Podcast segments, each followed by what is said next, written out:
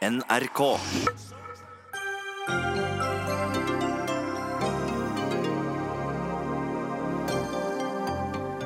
Over 100 tips har kommet siden politiet fortalte om den antatte bortføringen i går. Ti ukers hemmelighold fra politiet vekker reaksjoner. Nyhetssjefen i Klassekampen vil styrke angrepet på den norske eliten. Vanskelig når både han og leserne tilhører eliten selv, mener Anders Giæver i VG.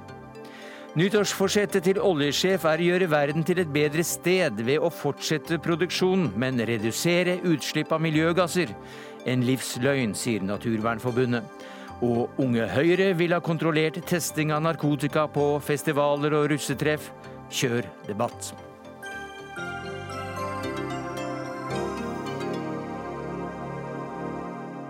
Ja, Det er noen av sakene i Dagsnytt 18 denne torsdagen, der vi også skal til Kongo og høre hvordan hovedstadene feirer eller sørger over valgresultatet.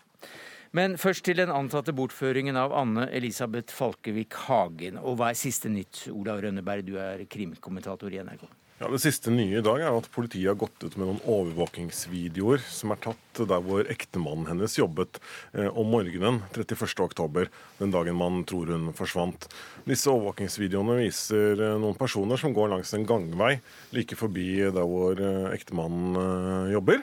Det er to personer. Først er det én person som går da bortover gangveien bort til et lite skoghold, snur og går samme veien tilbake igjen. Og så er det en person som går den samme gangveien og blir da passert av en syklist.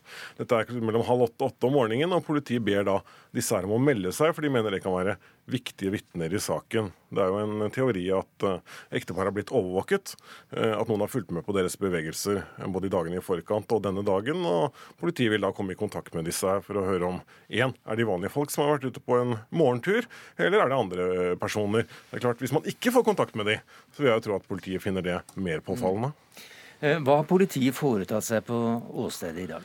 Ja, Nå har jo etterforskningen gått ut i en åpen fase, så å si. Man har holdt på i ti uker i hemmelighet, og da har jo ikke politiet kunnet gjøre så mye utendørs, nettopp fordi man har vært redd for at kidnapperne skulle se at politiet var kontaktet. Og I dag har de holdt på med ganske omfattende søk. De har sperret av noen områder rundt denne boligen. Søkt bl.a. med hunder og med en spesialtrent kriminalsøkshund, som jo da bl.a. kan lukte blod. Eh, Og De har holdt på med disse hundesøkene i hele dag. De har fortsatt med rundspørringer. Naboene har til og med fått en beskjed fra politiet i postkassen sin om at de må ta kontakt dersom de har eh, informasjon. Så nå har politiet gått ganske bredt ut, da i motsetning til hva de har kunnet gjøre tidligere. Ja, Og dermed så har de også fått inn tips. Ja, De sier nå at de har fått inn et hundretalls tips, eh, og de sier at noen av de er interessante, at de må gå videre på de. Men slik vi forstår det, har ikke politiet fått inn noen avgjørende tips. Og det virker ikke som om politiet er noe spesielt nærmere en oppklaring i dag eh, enn de var på samme tid i går. Så hvordan jobber politiet nå? Nå jobber de jo bredt da med, med innhenting av videomateriale, elektroniske spor. Eh, de må jo gjøre en hel rekke avhør nå som de ikke har kunnet gjøre tidligere i kvinnen og ektemannens bekjentskapskrets, forretninger de kan ha drevet, andre typer undersøkelser. Og så vet vi også at politiet har gått ut i det kriminelle miljøet, bl.a. på Romerike. Gått ut med informantbehandlere og undersøkt om det kan være opplysninger der, om noen kan sitte med informasjon som kan eh, føre dem videre. Takk skal du ha, Olav Rønneberg, krimkommentator i NRK. Politiet har altså jobbet i hemmelighet og har avhørt en rekke vitner. Disse vitnene og andre som fikk kunnskap om saken, ja, de ble pålagt taushetsplikt av politiet. Og Marius O. Ditriksson, du er advokat, og som styremedlem av Advokatforeningens forsvarsgruppe, så stiller du deg undrende til dette. Hvorfor det?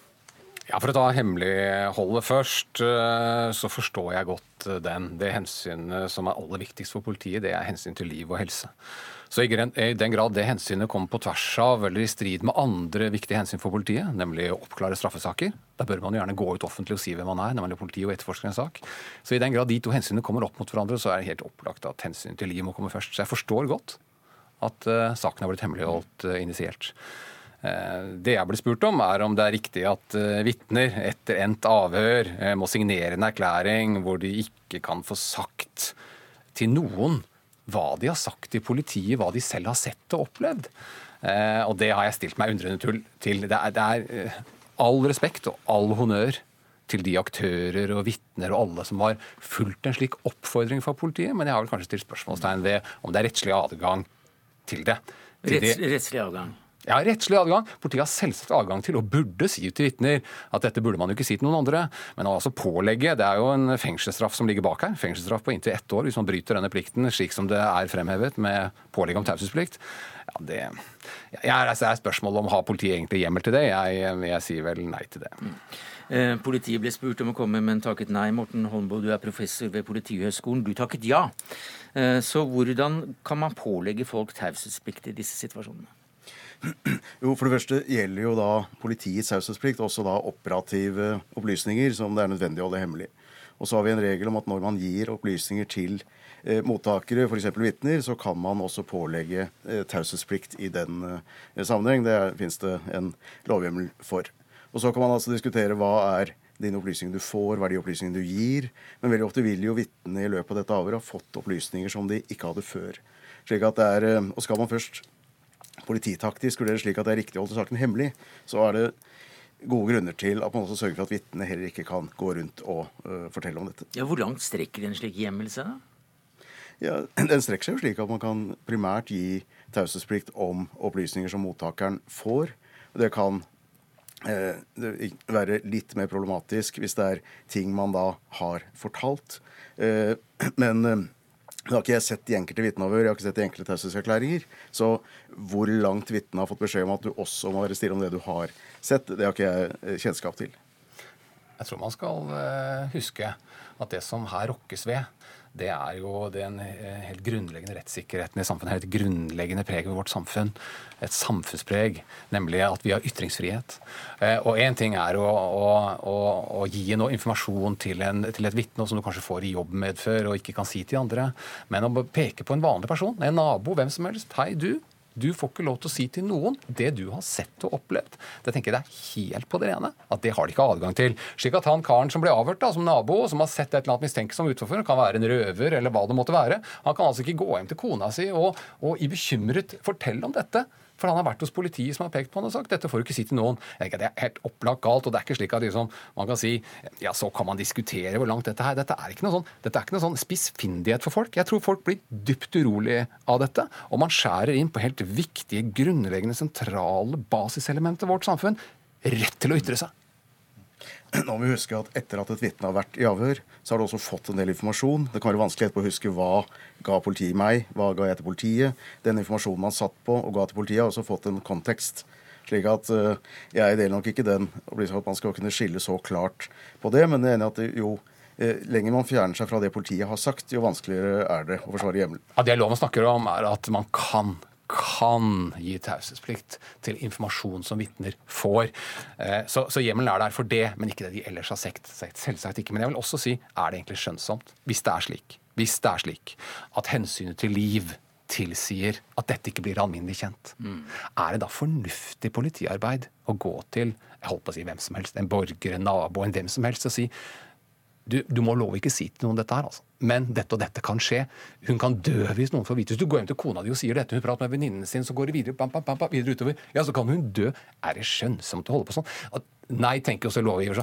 Så dette her, det er ikke sånn man skal operere. Eh, jeg tenker man politiet burde gjort dette. og Mitt, mitt anliggende er at er sånn prosesslovlydighet. Jeg tenker at eh, også politiet må følge loven og gjøre ting riktig. Så man oppfordre til taushet, men ikke si at dere blir straffet med ett års i fengsel hvis dere går hjem og sier dette. Ikke si det. Altså. Altså for det første, Når det er spørsmål om skjønnsomt å gi opplysninger, så har loven nettopp lagt opp til det at det er hjemmel for å gi vitner opplysninger som er taushetsbelagt. Og det er jo veldig viktig av hensyn til etterforskningen. For Hvis man tenker seg at man ikke hadde turt å snakke med vitner fordi de kunne spre det, så ville man jo også kommet kortere i etterforskningen. Kan politiet pålegge pressen taushetsplikt? Eh, ikke bortsett fra hvis de er da vitner i, den, eh, i en slik sak. Men allikevel så valgte bl.a. Aftenposten å innfri politiets ønske om ikke å omtale den eh, antatte bortføringen. Espen eh, Egil Hansen, du er sjefredaktør i eh, Aftenposten. Hvordan vurderte dere dette? Nei, Det er riktig. Vi fikk en henstilling fra politiet uh, i en tidlig fase. Vi visste om denne saken relativt uh, tidlig og begynte å jobbe med den. Og da fikk vi en telefon fra politiet med en, det vil si en sterk henstilling om Én, ikke å jobbe for tett med denne saken. Altså i betydning ta kontakt med mulige vitner, naboer og den type ting. Og to, ikke omtale den. Og den begrunnelsen som ble gitt, var at det kunne stå om liv og helse. Så hvordan vurderte dere dette fram og tilbake? Altså, som pressemann så kribler det jo selvfølgelig å, å fortelle det man vet. Nei, jeg må jo si det var en relativt enkel vurdering å følge den uh, henstillingen. Uh, vi hadde jo ikke noe informasjon. Politiet uh, hadde tydeligvis det, og politiets vurdering var at dette kunne stå om liv. Men jeg skal innrømme at ettersom tiden gikk, så ble, det er snakk om ti uker, ja, vi, hvor lenge, hvor lenge, hadde dere kjennskap til dette? Vi var i en, en, tidlig fase, og dette er jo ti, ti, mer enn ti uker siden nå. 72 dager siden. Og jobben vår, prestens jobb, er jo å informere. Så det vanlige vil jo være, når det skjer en alvorlig forbrytelse, uh, her kanskje en litt ny form for forbrytelse, så vil det, det vanlige være at vi informerer våre lesere om det. Det er jo det vi, det vi holder på med. Ja, ikke, ikke, bare informere, men altså, det er vel deres oppgave også å sette et kritisk søkelys på politiets arbeid også? Nettopp. Så vi, det, er jo, det er jo flere gode grunner for at det skal være så mye åpenhet som mulig rundt at dette har skjedd. Det er Eh, å kunne følge med på politiarbeidet. Det er jo eh, som med alt annet arbeid over tid, sånn det, kvaliteten blir bedre. Det at det er en løpende diskusjon rundt uh, om det blir gjort uh, riktig. Og da er, da er, det viktig å kunne følge med på det, og det er en, en oppgave pressen har. Så er det jo oppklaringen av uh, saken. Det vanlige vil jo være at det er åpenhet, og det vanlige vil være at det, det kommer tips fra folk som har sett noe, og at det eh, i veldig mange saker er med å oppklare en, eh, en, en, sånn sak. Og så er det jo det mer allmenne at når det skjer denne type forbrytelse, eh, og her en, en ny form for kriminalitet i Norge, så har vi jo et krav om å å få vite om det. Det vil være det vanlige, sånn at vi selv kan tenke igjennom skal vi verne oss mot dette, eller rett og slett ha informasjon om hva som eh, skjer. VG visste vel også om denne saken forholdsvis eh, tidlig. Ble dere lovet viktig informasjon om dere klarte å holde kjeft så, så lenge? Nei, vi har ikke inngått noen avtale, nei. Da en norsk journalist ble bortført i Afghanistan for noen år siden, så var det flere presseorganer som også visste at han ble bortført, men vi ble anbefalt da, eller henstilt om ikke å si noe. Og NRK var jo blant de som, som fulgte denne henstillingen. Så det er ikke så uvanlig. Altså. Nei, Jeg kan huske to saker. Den du nevnte i Afghanistan, og vi hadde en tilsvarende kidnapping på eh, Filippinene. Men uh, det, jeg kan ikke huske en kriminalsak i Norge, og så igjen det spesielle med at selve forbrytelsen ikke er blitt uh, kjent, eller det, er blitt lagt et slags lokk på det over så lang tid. Det er uvanlig. Uh, og, og, vi må jo formode at det er svært gode grunner til det. men Derfor var det riktig av oss i dag å redegjøre overfor egne lesere hvorfor vi har vært tause. Og du angrer ikke? Eh, nei. Takk skal du ha, Espen Egil Hansen, sjefredaktør i Aftenposten. Takk til Morten Holmboe, professor ved Politihøgskolen, og til Marius Ditriksson, advokat og forsvarer. Dagsnytt 18 alle hverdager kl 18.00 på NRK P2 og NRK2.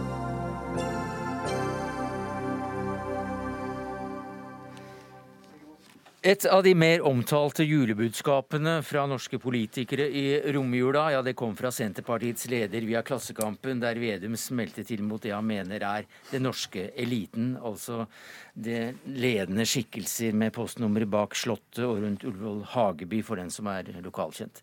I etterkant har avisen Klassekampen fulgt opp med artikler om den skjeve maktfordelingen her i landet, og vil intensivere angrepene mot eliten, eller elitene. Og dette har fått deg til å reagere, Anders Giæver, kommentator i VG. Hvorfor det? Nei, det er, ikke egentlig, det er ikke det som egentlig har fått meg til å reagere. Nei, Hva har du reagert på da? Eh, jeg har reagert på måten øh, Klassekampen presenterer det de mener er den norske eliten på. Eh, hvor de plukker ut eh, visse grupper eh, og hevder at dette på en måte er fiender av folket. Som tjener sine egne interesser. Og det er altså, så vidt jeg skjønner, av folk i statsinstitusjoner, i finansinstitusjoner, i, i de store mediene. som meler sin egen kake, eh, tjener sine egne interesser på bekostning av det store flertallet. eh, og i strid eh, med det store flertallet. Ja, Hva er galt i det? Jeg tror ikke det er riktig. Jeg tror det er galt. Altså, jeg tror at det er, Hvis du skal behandle f.eks. For forskjeller og urettferdigheter i det norske samfunn, så må du gå på politikken som føres, du må gå på beslutningene som fattes, du må gå på prosessene. Og så må du ikke si at enkelte grupper utgjør en, eh, utgjør en si, fienderolle eh, for folket. Og jeg mener at eh, eh, Klassekampen, og, og særlig det jeg har vært opptatt av, eh, er jo da måten de, de har blinket ut mediene på. Har kjøpt retorikken til eh, Steve Bannon og Donald Trump. Som altså har erklært eh, mediene for fiender av folket. Dette startet de med rett etter eh, at Trump vant valget og, og, og gikk ut Bjørgulf Brånen i en stor kommentar sa at amerikanske journalister de skjønte ikke hvordan vanlige amerikanere hadde det, eh, og, og levde i bobler og osv. Og, så sånn, og da langt på vei gikk inn på den samme typen retorikk. Hun kan ikke komme i dag, men Mimir Kristiansson, du får være Trumps forlengede arm i Dagsnytt 18 i dag som nyhetssjef i Klassekampen. Hva sier du til denne kritikken? Jeg vil helst ikke være Trumps eh, forlenga arm noe sted, men dette er bare fri diktning. Altså Det Klassekampen har gjort de siste dagene, det er sånn som dette er. Vi har dekka en undersøkelse som Statistisk sentralbyrå gjør med de 1900 menneskene i Norge som har mest makt. Det er de rike, altså med andre ord eiere og store selskaper. Det er politikere. Det er toppen i byråkratiet, det er toppen i militæret, toppen i justissektoren, toppen i kirken, toppen i kulturen, toppen i mediene. Dette er et seriøst forskningsarbeid. Det er ingen som sier at noen er fiender av folk eller det ene eller andre. Det er noe andre sier å finne på. Så skriver vi om det. Og hvorfor gjør vi det?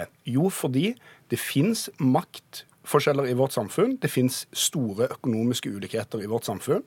Og for at vi skal kunne gjøre noe med det, for at vi skal kunne gå inn i politikken og prosessene som Anders Giæver snakker om, må vi jo ha en maktanalyse i bånn.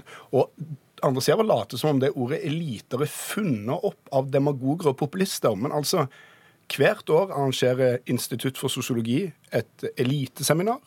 Den boka vi har basert oss på, dette er 'Eliter i et egalitært samfunn', gitt ut av Institutt for samfunnsforskning, basert på tall fra Statistisk sentralbyrå. Sånn at vi er nødt til tror jeg, å ha en analyse av hvem som har makt i vårt samfunn, for å kunne vite hvordan vi kan utvide og forbedre demokratiet.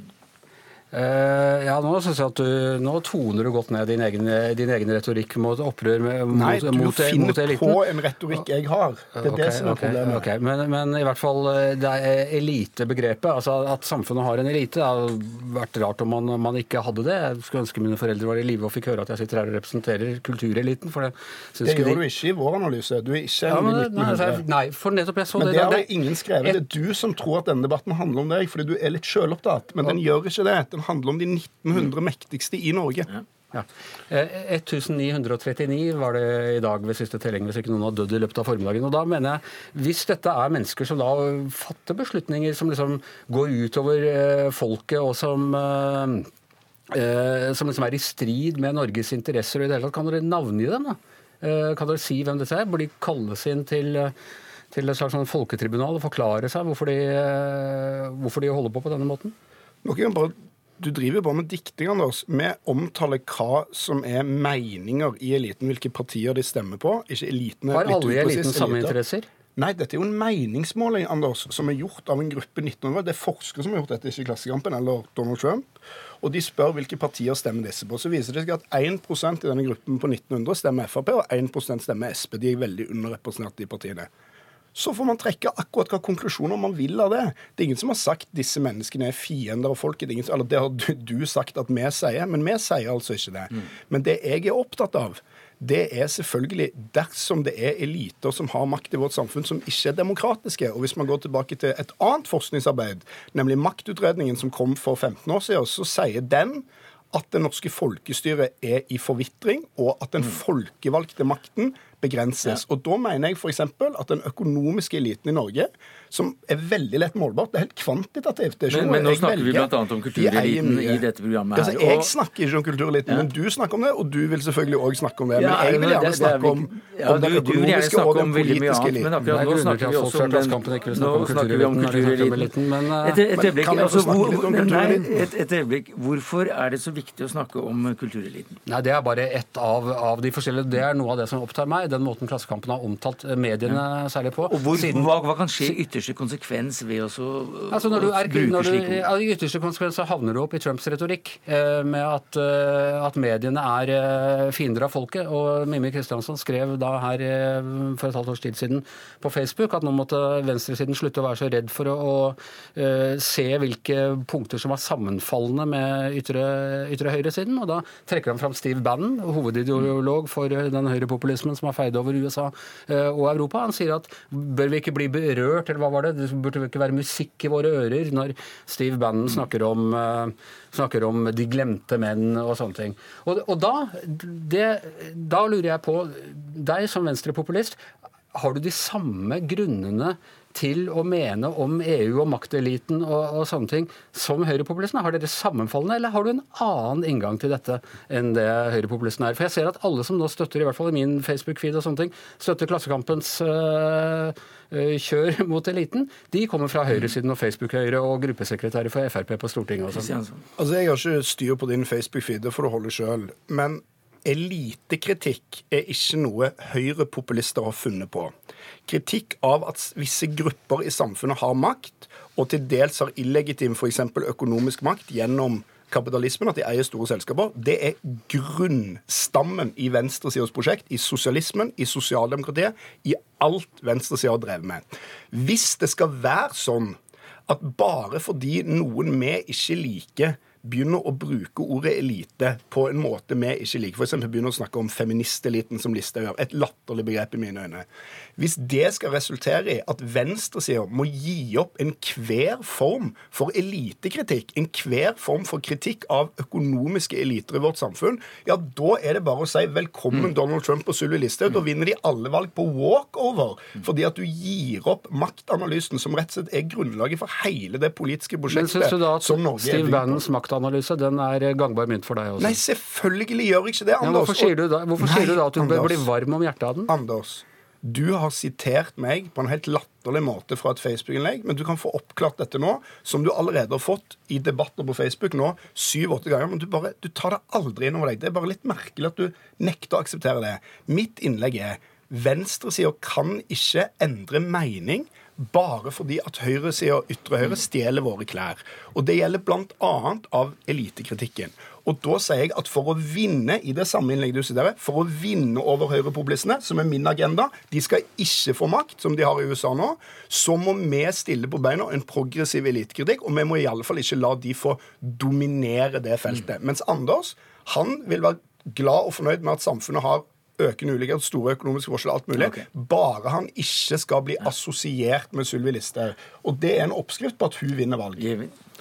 Eh, Det unndrar seg nesten litt kommen- kommentar, dette her. Jeg, jeg tror at, eh, at eh, Klassekampen, og særlig Mimir, slett ikke alle i Klassekampen, eh, har nå liksom kommet på den defensiven. Vi ser hvordan høyrepopulismen vinner fram med en del argumenter som ja, er, det er sammenfallende argumenter mellom ytre og høyre og ytre og venstre, og derfor prøver de nå å, å hoppe på den, og jeg tror de kommer til å bli slukt av den. Men når det gjelder eliter, så skriver du også at øh, jo, Klassekampens lesere tilhører vel også eliter, og vil en del i toppen Ja. Klassekampen er jo en eliteavis, er vel antagelig den tredje største eliteavisen i, i Norge etter så, Finansavisen og så, så leserne tilhører eliten, som nå også skal øh, få Ja, Nå er jo eliten redusert til 1939 eh, personer, så da det er, Nei, dette er- Klassekampen har jo et større opplag Nei, enn men det, Dette heldigvis. er SSBs lederskapsundersøkelse. Altså, Jeg er litt opptatt av å gjøre dette skikkelig. Anders gjør dette litt slumsete. Og når man gjør det skikkelig, så kan man se f.eks. på SB, da, hvis eliten er 1900. Da er det to i Klassekampen som er med. Det er altså redaktøren og direktøren. Og de er da en del av den 1900-eliten. Hvis du utvider eliten til 5000, 10 000, så kommer kanskje vi inn. Hvis du utvider eliten til 500 000, så kommer kanskje en vanlig Klassekampen-journalist som tjener 480 000 i året inn. Men da vil jeg argumentere for at man ikke har et veldig presist elitebegrep. Så jeg har ingen problem med å innse at jeg har noen privilegier. Jeg sitter annet her nå sammen med deg og deg, og du får diskutere på radio. Det er et enormt privilegium.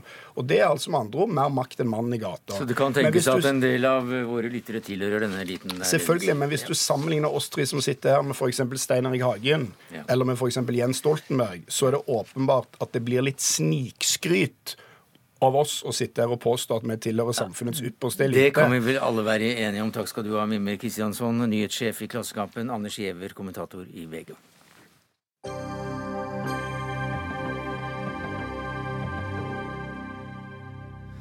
Ti år etter at eh, Obama holdt sin berømte tale i Kairo om en ny start for Midtøsten, ja, så kom den amerikanske utenriksministeren anno 2019 og holdt et budskap som ikke var helt likt, også det i den egyptiske hovedstaden. For Mike Popeo han slaktet Obamas Midtøsten-politikk, som han mente var full av feilvurderinger. Og hva var det viktigste budskapet han selv kom med på vegne av president Trump? Sigurd Falkenberg Mikkelsen, du er tidligere Midtøsten-korrespondent for NRK. Du, det var jo et eh, voldsomt oppgjør med forgjengeren til eh, hans eh, sjef, altså Barack Obamas tale i 2009, hvor han egentlig nesten gikk punkt for punkt uh, i rette med den talen, som han da mente at uh, var totalt eh, feilslått. Han trakk fram at Iran-avtalen hadde vært mislykket, at Obama hadde vært svak mot islamisme, og han sa at eh, når USA trekker seg ut, så blir det kaos, eller så følger kaos. Dette med referanse til Irak-tilbaketrekkingen som Obama sto for. Eh, Og så sa han også at eh, tiden for selvpåført amerikansk skam i Midtøsten er eh, over. Så det minnet veldig om en sånn slags retur til eh, amerikansk Midtøsten-diplomati, slik det var eh, før eh, 9. 11. september i eh, 2001. Ja, så Hvis USA trekker seg ut, så, så følger kaos. Men han sa vel noe om Syria også i den forbindelse?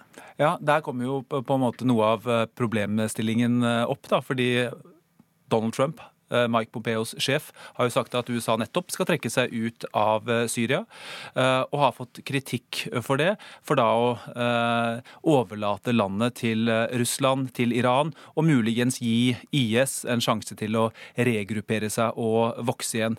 Men han mente jo da at eh, ingen kunne sette spørsmålstegn ved Trumps eh, vilje til å slåss mot eh, IS, og at dette på en måte var en del av et eh, større bilde, eh, og at eh, kampen mot eh, særlig Iran ville fortsette. Og han sa jo også at de ikke ville hvile før en eh, sånn Parafraserer jeg litt, men i hvert fall at de ville fortsette helt til ikke det var en eneste iransk soldat igjen i eh, Midtøsten. Jeg antar da han refererte til den arabiske delen av Midtøsten.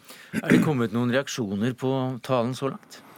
Ja, Det har jo ikke manglet på eh, kritikk av talen, særlig kanskje fra Obamas uh, utenriksfolk.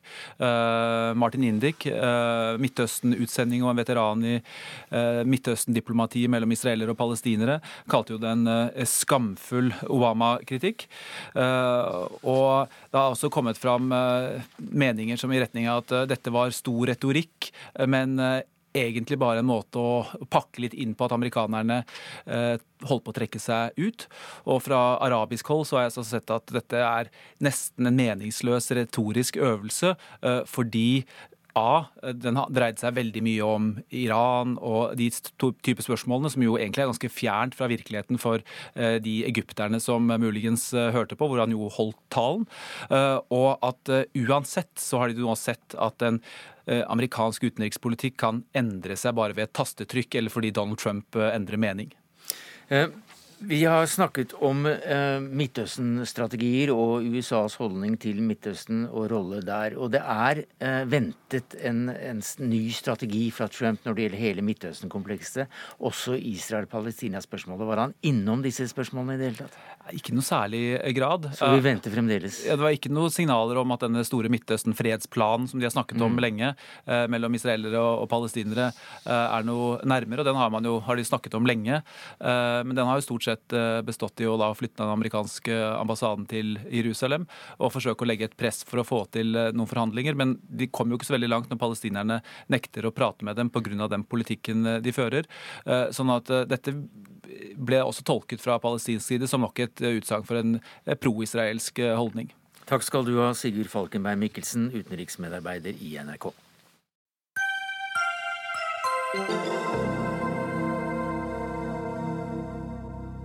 Nyttårsforsettet til sjefen i det tyskbaserte oljeselskapet DEA er å gjøre produksjonen av olje mer miljøvennlig.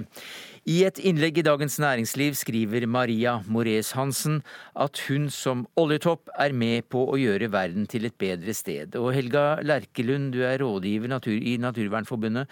Hva synes du om dette nyttårsforsettet? Ja, altså Aller først så vil jeg jo faktisk skryte av Moraus Hansen for at hun er ærlig på at olje og gass faktisk bidrar til et alvorlig klimaproblem. Men eh, jeg mener at hun tar feil når hun mener at man kan redusere utslippene fra produksjon og dermed bidra til en bedre verden. Eh, når vi vet at det er forbrenningen av olje og gass som er eh, det største klimaproblemet. Ja, hvis man begrenser akkurat uh, utslippene, så blir det vel bedre i verden? Ja, I høst så kom FN med en ny, ny klimarapport. Eh, og den eh, klimarapporten den viste at dersom vi skal unngå katastrofale klimaendringer, så er vi, det vil si eh, at vi må unngå en global oppvarming på mer enn 1,5 grader, så er vi nødt til å redusere oljeforbruket med inntil 40% innen 2030. Og da nytter det ikke å redusere utslippene? med Nei, altså da nytter det ikke å bare eh, redusere utslippene fra produksjon, tenke at man kan fortsette som før. Da er vi faktisk nødt til å redusere eh, leitinga etter olje og gass, og vi er nødt til å redusere den aktiviteten som vi har i dag. Og det vil vel du neppe være med på, Maria Marie Hansen, konsernsjef i oljeselskapet DEA? Altså, jeg, når jeg har lyst til å begynne på samme måte um, som Helga, egentlig ved å si at nå er det jo sånn at Helga og jeg til dels er ganske enig i en del ting. Um, hun sier, påpeker jo at uh, oljebransjen bør bruke sin kunnskap og kompetanse til å fremme mer miljøvennlige alternativer. Og det gjør den da også i økende grad. Eh, det er jo mange selskaper som satser mer på sol og vind og biobrensel, og det er vel et kjent argument at eh, når Norge kan tenke seg å bli en, eh, et foregangsland for bærekraftig energi, så står den på skuldrene til den kompetansen som er bygget opp innenfor olje og gass. Og så er vi vel også enige om at det er på forbrukssiden at de reelle utslippene finner sted, og den må redusere. Forbruket av olje og gass må reduseres. Så hva mitt utgangspunkt for kronikken, det er hva kan vi som en oppstrøms olje- og gassprodusent gjøre når vi ser disse utfordringene. Og det var det jeg ønsket å snakke om nå. Jeg, jeg, kjenner også at det er andre utfordringer. så Det er ikke sånn at jeg tror jeg er enig med Helga når hun sier at jeg lever på en livsløgn, for det opplever jeg ikke at jeg gjør. Ja. Problemet er jo at uh, det du skriver i uh, denne kronikken, er at uh, man vil trenge olje og gass i lang tid fremover, og derfor så vil oljebransjen kunne bidra ved å kutte utslippene ved produksjon. og så kan man fortsette som før, dvs. Si at dere vil fortsette å lete etter ny olje og gass. Man vil fortsette med oljeproduksjonen. Og det mener jeg at vi ikke har tid til. For hvis vi skal ta den klimarapporten til FN på alvor, så kan vi ikke fortsette å lete etter mer olje og gass. Heller ikke oljebransjen. Da er man nødt til eh, å bruke den kunnskapen og kompetansen som fins der, til å få til en raskere omstilling. Og det er der jeg mener at man lever på en livsløgn, når man tror at man kan fortsette sånn som man gjør i dag. Ja. Altså, jeg, jeg, tror at eh, En av de store utfordringene når man snakker for, om fremtiden til olje- og gassbransjen, og til fremtiden til olje og gass, som egentlig er to veldig forskjellige produkter, er utfordringen med tidslinjen. Hva slags tidslinje er det egentlig vi snakker om her, før det finnes reelle alternativer til olje og gass for å forsyne verden med energi? For det er nok her vi er den reelle uenigheten ligger. Altså, jeg mener at så lenge verden ikke har noe alternativ til olje og gass, så er det vår jobb som olje- og gassindustri å produsere olje og gass for å forsyne verden med energi på en så ren måte som mulig. Ja. For jeg tror jo ikke at det er en god idé å møte en menneskeskapt klimakrise med en menneskeskapt global samfunnskrise, som vil være konsekvensen av å slutte å produsere olje og gass i dag. Altså, Olje og også gass er jo veldig viktige ingredienser av veldig mye av det som gjør verden til et leve, leveaktig sted for veldig mange mennesker. Virkelig. Bare tenk på industrialisert og mekanisert jordbruk, f.eks. Ja. og matproduksjon. Ja, jeg er helt enig. Vi er veldig avhengig av olje og gass i dag. Og det er et stort problem. Det som jeg syns er litt synd, er at oljebransjen ofte bruker det som en unnskyldning for at de kan fortsette å lete etter olje og gass i lang tid framover. For da vil man binde utslippene i mange tiår framover. F.eks. ved Johan Sverdrup-feltet, som du nevner i eh, din kronikk. Og det jeg lurer litt på, er når du snakker om tidsperspektivet. For vi har ikke så veldig god tid dersom vi skal unngå katastrofale klimaendringer. Og da lurer jeg litt på, hva er ditt tidsperspektiv? Ønsker du at vi skal unngå eh, mer enn 1,5 grader? Støtter du FNs klimarapport, eller mener du at det er urealistisk? Men det er to, jeg tror det er to forskjellige ting her. Ja, men det, ene var, det, var, det var for så vidt et ganske klart eh, spørsmål, da, sånn at du kan svare konkret Jeg på det. Klima, jeg støtter klimarapporten. Tror jeg at alle de tingene som vi ønsker å oppnå, er mulig? Det er selvfølgelig en utfordring. Det er en utfordring å komme med alternativer til olje og gass innenfor de tidslinjene som når, vi her og snakker når om. du, unnskyld at jeg avbryter deg, men når du sier utfordring, så mener du at det er helt umulig?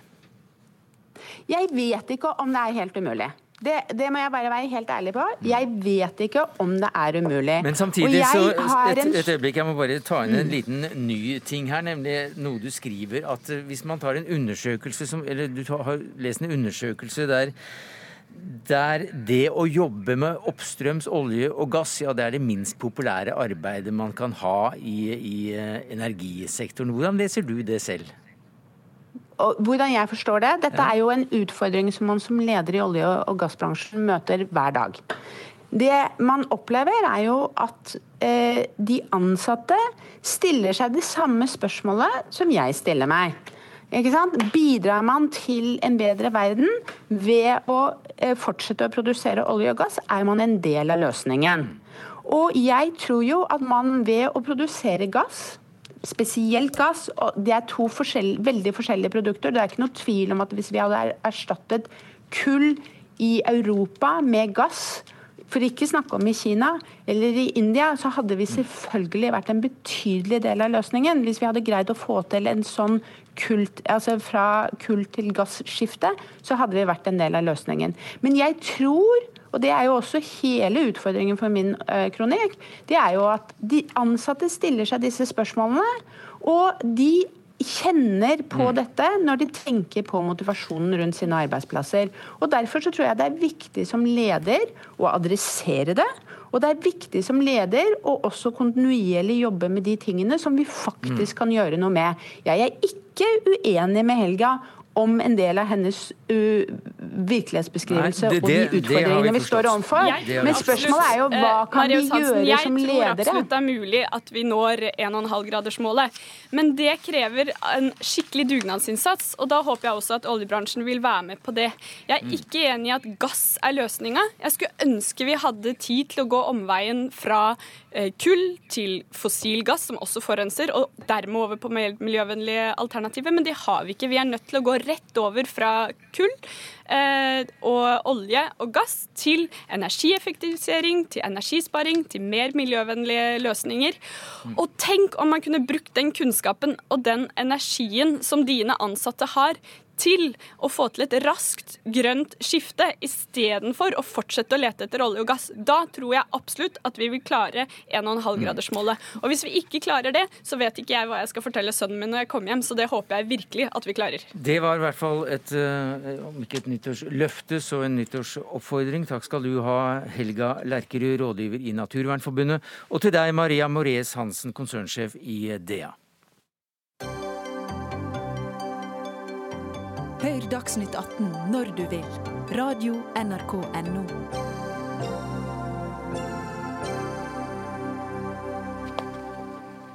Ja, Så ble det endelig valg i eh, Den demokratiske republikken Kongo. I hovedstaden feirer halvparten av befolkningen, mens den andre halvparten frykter for hva som nå skal skje, sier en lokal journalist i Kinshasa. Uh, and that's you, Tise Kedi. No, that's you, Steve Mbembe. You are, you are in Kinshasa now. How is the situation in Kinshasa where you are? Yeah, the situation, the situation in Kinshasa right now is quiet. Uh, only some uh, HQ of the opponent, uh, Felix Tshisekedi, where we saw people uh, claiming, the dancing, singing. Yeah, they, they said Tshisekedi is a winner. They, they, they, they, they are very happy for the change. And uh, other side, the camp of uh, Martin Fayulu, you can see people, they are very sad. They call the Electoral Commission to give the really revived. According to them, they said that uh, Martin Fayulu was the winner. Also, in the more than 200 kilometers from Kinshasa,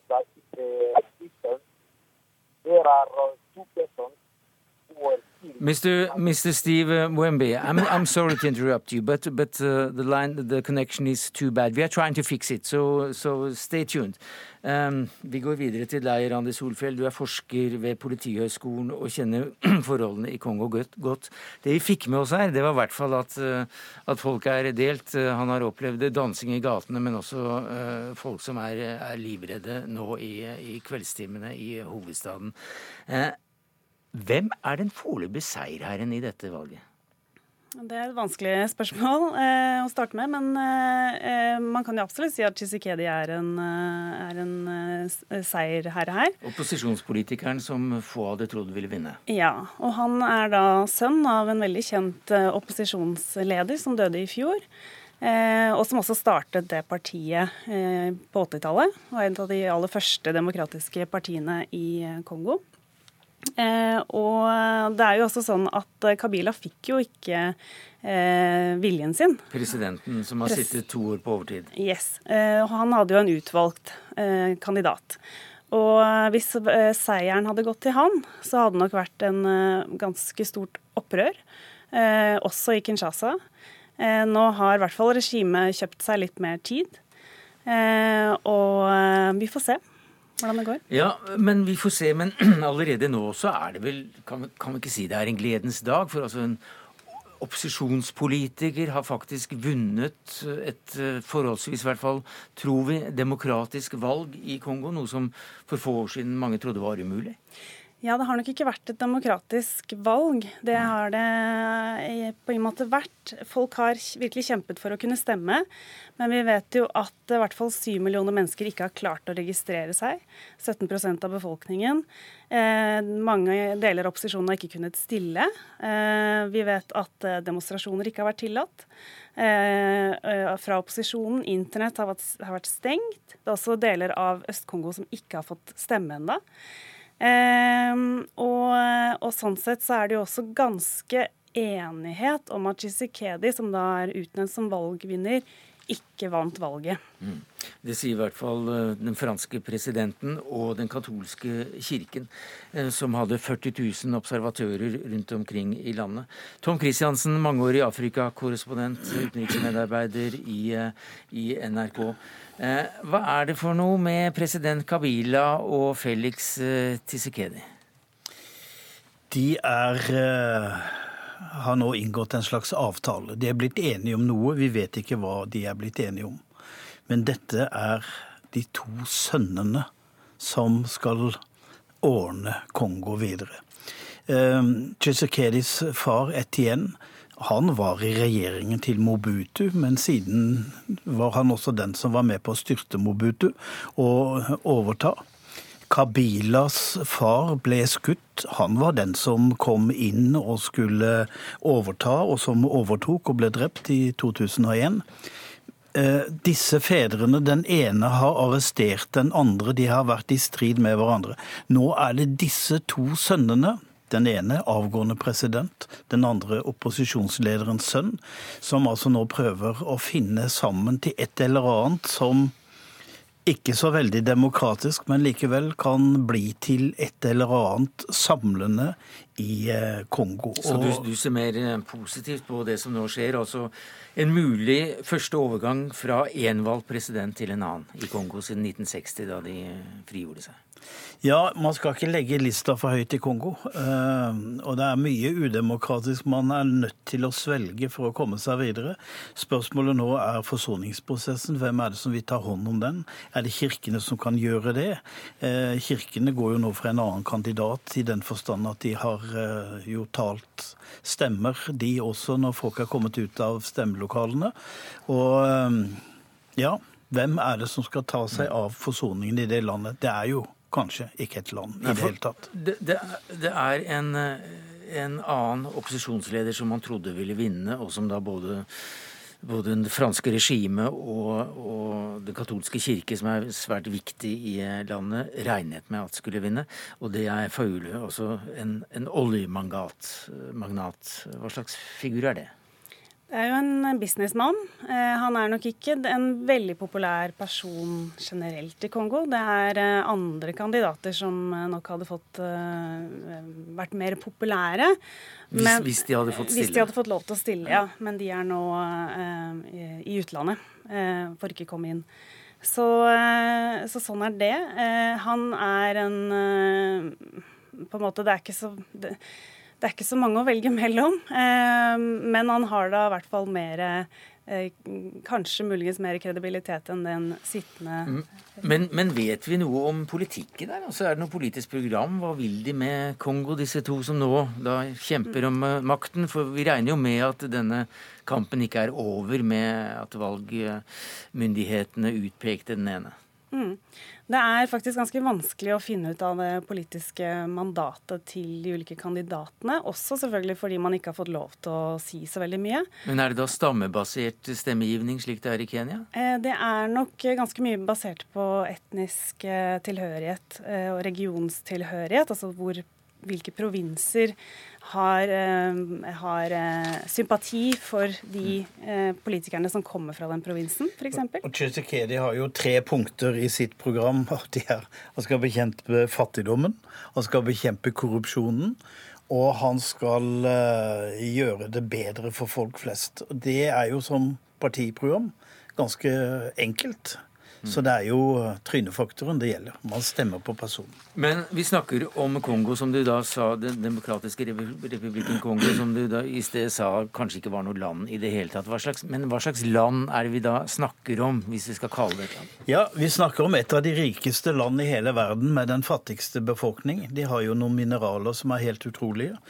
Eh, dette var ei leikegrind for kong Leopold 2. fra Belgia. Han ville eie dette landet, og han fikk oppdageren Henry Morton Stanley til å reise gjennom dette landet, oppdage det og gjøre kontrakter med 400 høvdinger oppover eh, Kongofloden. Og de fraskrev seg med en tommelfinger trykket på et papir alle rettigheter til vann og land, skog, mineraler, alt mulig skulle gå til Belgia. Og det gikk til Belgia. Og det er siden blitt utnyttet både av belgiere og av andre folk fra Europa. Og det pågår jo for Det er jo et plyndra land. Så vi må tilbake dit for å forstå det som skjer i Kongo i dag? Ja, det kan du si. Men eh, da Mobutu døde i 1997, eh, var det vel, så kom det jo et eh, skifte. Da var liksom eh, kleptokraten, demonen, borte. Da begynte stormløpet mot makten. Det var Kabila som vant den gang, faren til den sittende. Men alt som skjedde siden, har jo utløst to kriger hvor fire-fem millioner mennesker er blitt drept. Det største antallet siden annen verdenskrig i ja, ja, ja. Vi brød oss jo ikke noe særlig om det i Europa, men det var jo mange mennesker. Så hva er det som står på spill ved dette valget? Det er uh, i hvert fall ganske stor uh, fare for på den ene siden at, uh, at folk vil ytre seg og bruke de midlene de har. Samtidig sitter man også med et regime som har makta i sine hender. når det gjelder politi, sik sikkerhetstjenester, militære, og som ikke skyr de, å bruke de midlene mot sin egen befolkning. I, eh, med en retorikk om at eh, bevare freden, bevare roen, Og, og bruke på en måte ganske voldelige midler for å gjøre det. Men det var jo sju-åtte-ni eh, stater involvert i det som er blitt kalt den store afrikanske krigen, som også tok livet av mellom tre og fem millioner mennesker. Er det det vi er nervøse for at kan skje igjen, hvis dette blusser opp pga. interne uroligheter? Jeg tror ikke det. Og det var en ganske spesiell, eh, ganske unik krig i, i Afrika. Eh, med tanke på at det både var helt, en hel stat som kollapset, det var et vanvittig vanvittig folkemord i eh, Rwanda, som da sendte en masse flyktninger inn i Kongo, og som skapte, og som fortsatt skaper mye ustabilitet. Man har ikke de, eh, de forutsetningene som skapte den krigen i dag. Men dette her er først og fremst et um, internt anliggende. Mm. Eh, med stor fare for selvfølgelig eh, et opprør. Eh, ja. Det er flere som er eh, drept også i dag eh, som følge av uroligheter etter valget. Men Tom Christiansen, helt til slutt. Er du mer positiv på Den demokratiske republikkens Kongos vegne og dets befolkning nå etter at dette har gått ikke så aller verst, ifølge observatører, vel? Det kunne godt være? Det er folk som smiler, og det er folk som ikke bryr seg. Så er det noen militsledere som gjerne vil ha noen ministerposter. Eh, og så er det noen militsledere som kanskje blir arrestert av den internasjonale straffedommen. Og så har Kongo fått én ny stemme som kan bety noe. Eh, Dennis Mukwege har fått Nobels fredspris og taler et eh, fredsspråk som Kongo trenger å høre. Og landet er stolt av mannen. Det er muligens det kan bli et mirakel. Ja, han var ikke på valg. Takk for at dere kom til Dagsnytt 18, Randi Solfjell, forsker ved Politihøgskolen, og Tom Christiansen, utenriksmedarbeider i NRK.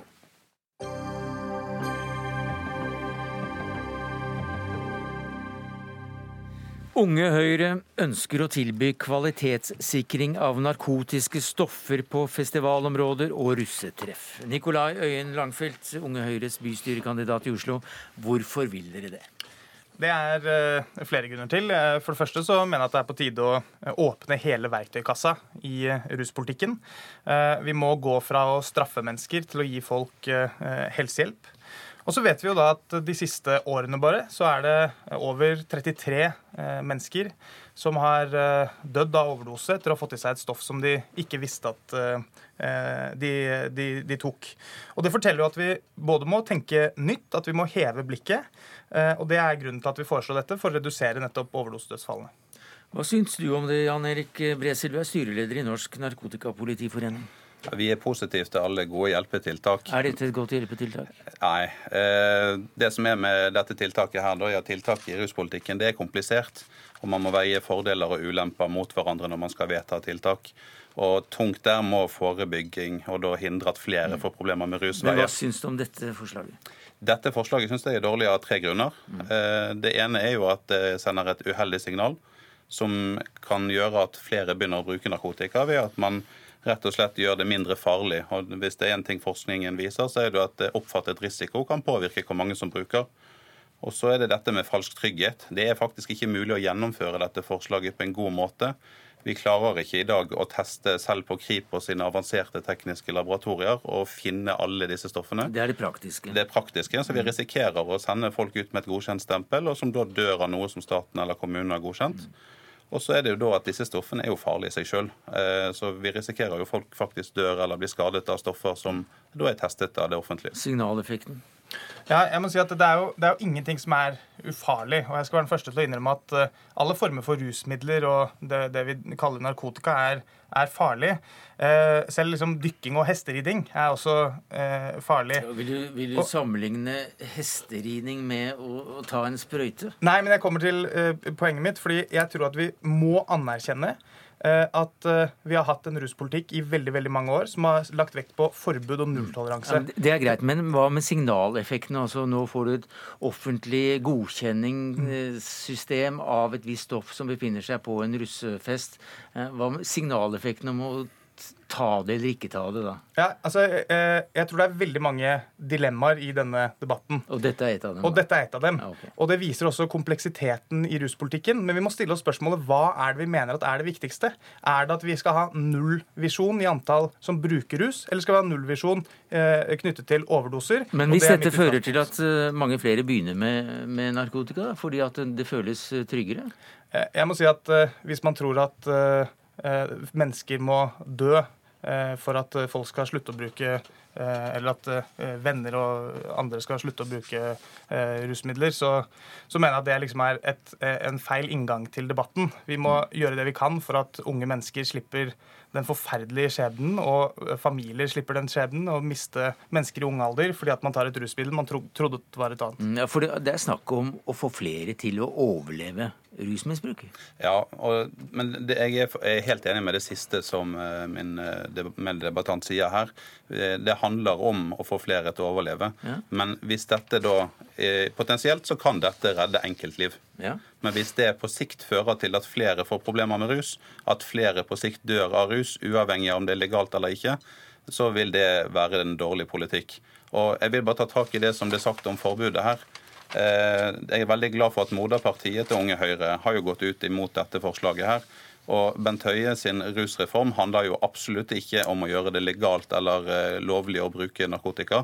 Det er snakk om at sanksjonene skal flyttes over til helsehjelp. og det, vi, støtter den, eh, vi støtter det mandatet som nå foreligger. Og jeg syns det er utrolig viktig at vi ikke nå vanner ut. For det er en del av det som kan gjøre at flere bruker, hvis man tror at det skal bli lovlig å bruke narkotika. Det er ikke et mandat om det som foreligger.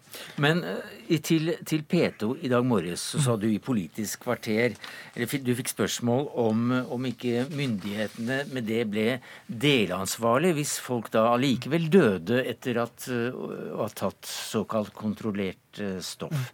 Eh, Du svarte ikke helt konkret på det. Kan du være mer presis eh, denne gangen? Ja, jeg mener at det er eh, uansett den som tar stoffet sitt ansvar. Eh, Og så skal myndighetene bidra til eh, skadebegrensning og så bidra med opplysning. Og jeg tror at eh, dette tiltaket, i tillegg til andre eh, målrettede skadeforebyggende tiltak, eh, vil være med på å gjøre det. Men bare la meg eh, eh, utfordre på én ting, for jeg lurer jo litt på hva som er eh, Bresil og foreningen hans eh, løsning. Fordi det jeg egentlig hører, det er eh, at man tviholder på veldig mange den, veldig mye av den politikken og den retorikken som jeg mener at har gått i feil retning i, i Norge. Når vi ligger på, altså Det er veldig mange topper som eh, jeg tror Bresel og jeg kan være enige om at vi skulle ønske at Norge var på. Overdosetoppen bør ikke være blant dem. og Det er grunnen til at vi fremmer dette forslaget, i tillegg til at vi vil ha en offensiv rusreform som tar sikte på å redusere antall overdoser og skadeforebygge. Det er utrolig viktig at hvis vi skal prøve å redusere antall overdoser, så er dette tiltaket rettet inn mot feil målgruppe. Da må vi rette inn tiltaket mot de tungt eh, rusavhengige som sliter med opiater og benzodiazepiner. Det er der vi har de store overdosedødsfallene. Og så må vi Så det, se det, det er også, unnskyld avbryter men det er også skivebom også når det gjelder eh, hvem de sikter disse tiltakene Ja, Dette tiltaket vil jo rette seg mot barn og unge. Vi snakker om festivaler som er blitt løftet fram, russetreff. Dette er jo steder hvor man ikke har tungt rusavhengig i utgangspunktet. Man har barn og unge, eller i hvert fall ungdommer, som da en, kan begynne en ruskarriere. Vi vet at folk ofte kan starte med rus når de nyter alkohol. Og Da blir det feil hvis politiet skal stå ett sted og prøve å forebygge at det selges, mens selgeren samtidig går inn og får godkjent stoffet han skal selge videre til ungdommer på andre siden av festivalen.